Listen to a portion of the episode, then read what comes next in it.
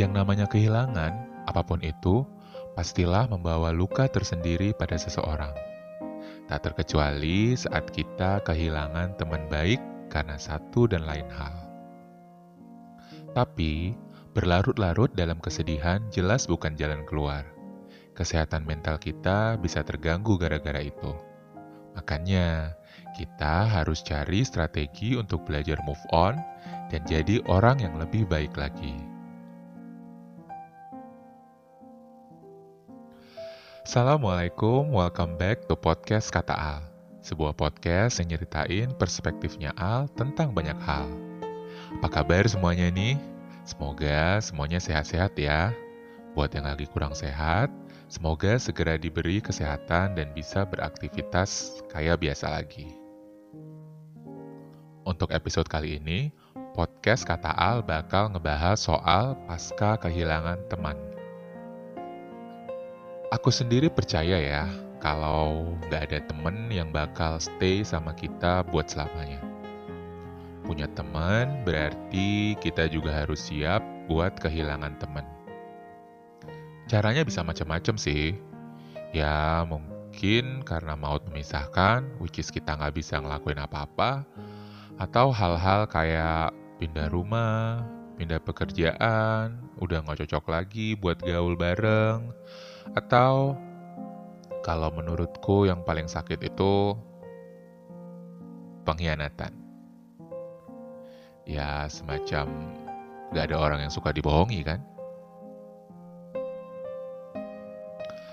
Ya apa pun penyebab kehilangan teman itu pasti ngasih perasaan gak enak ke kita.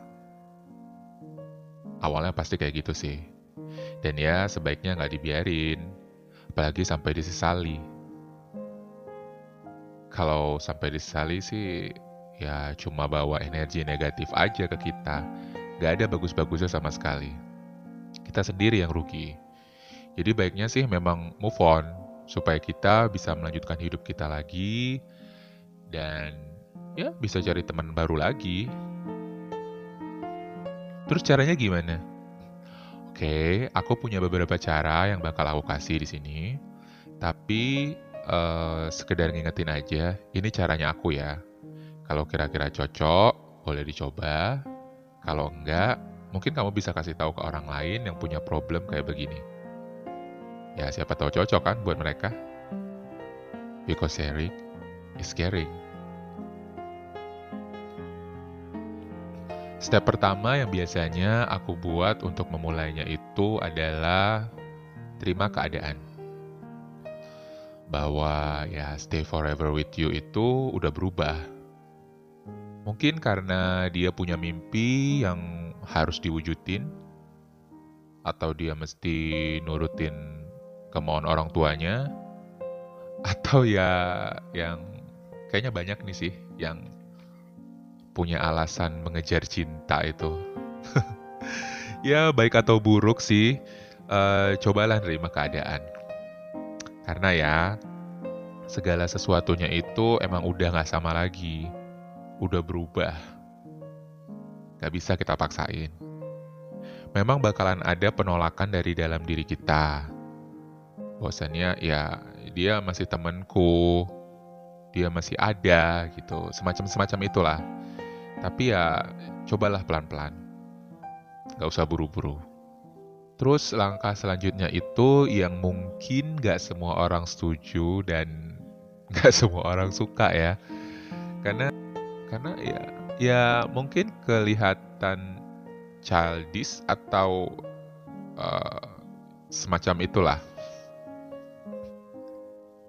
Bikin jurnal ataupun semacam diary gitu. Ceritain aja semua perasaan kamu di situ biar lega. Aku sendiri sih udah mulai nulis jurnal itu sejak SMP. Jadi ya udah kebiasa. Makanya tadi di awal aku bilang gak semua orang biasa ataupun setuju dengan cara yang kayak gini. Tapi ya boleh dicoba. E, karena nulis jurnal itu sifatnya pribadi, jadi ya bebas-bebas aja mau nulis apa pun buat ngelepas emosi baiknya ya nggak harus melulu nyeritain soal kehilangan kita, tapi juga cerita soal uh, langkah-langkah apa aja sih yang mau kita bikin buat masa depan kita nanti. Ya sembari, sembari uh, ngelepasin emosi soal kehilangan, kita juga tetap fokus ke masa depan kita. Next, kasih diri sendiri waktu. Kalau soal ini, aku mau cerita dikit soal pengalaman aku ya. Ini pengalaman waktu SMA. Jadi dulu tuh aku punya temen yang udah cukup deket lah. Ya deketnya itu ya gimana lah kalau orang deket itu. Nah pas masa-masa pengumuman kelulusan itu, temenku ini ngilang gitu aja. Gak tau deh rimbanya ke mana, kabarnya juga gak ada. Sampai akhirnya aku tahu dari orang lain kalau dia itu pindah dan gak bilang ke aku. Dia itu pindah ke mana dia gak bilang ke aku. Jadi aku benar-benar totally lost, ngerasa kehilangan, dan sekaligus ngerasa dibohongi gitu. Sedih ya pastilah, masa nggak sedih temen deketnya ngilang gitu. Tapi aku juga sadar sih kalau Eh, nggak uh, ada yang bisa aku lakuin selain ya ngerelain dia, ngelepasin dia gitu. Karena hubungan kita yang cukup dekat itu jadi ya aku ngerasa ya untuk ngelupain dia gitu ya mesti ngasih waktu yang lebih lama buat pulih gitu. Ada kayaknya sekitar uh, lima tahunan lebih lah sampai tamat kuliah itu ya. Aku baru bisa benar-benar ngiklasinnya. Kenapa selama itu? Ya nggak apa-apa. Aku kan nggak lagi hamil dan harus minta pertanggungjawaban. Uh, terus 9 bulan kemudian lahiran kan nggak kayak gitu. Nggak ada yang mesti aku buru-buruin. Jadi ya it's okay kalau memang butuh waktu lebih lama. Toh selama itu juga aku tetap cari kesibukan positif yang bisa ngilangin rasa sedihnya dan tetap berkembang. I think it's fair enough. Dan kalau ditanya sekarang sih, ya aku udah maafin dia karena aku udah ikhlasin juga. Jadi kalau misalnya ketemu lagi ya, everything's gonna be fine.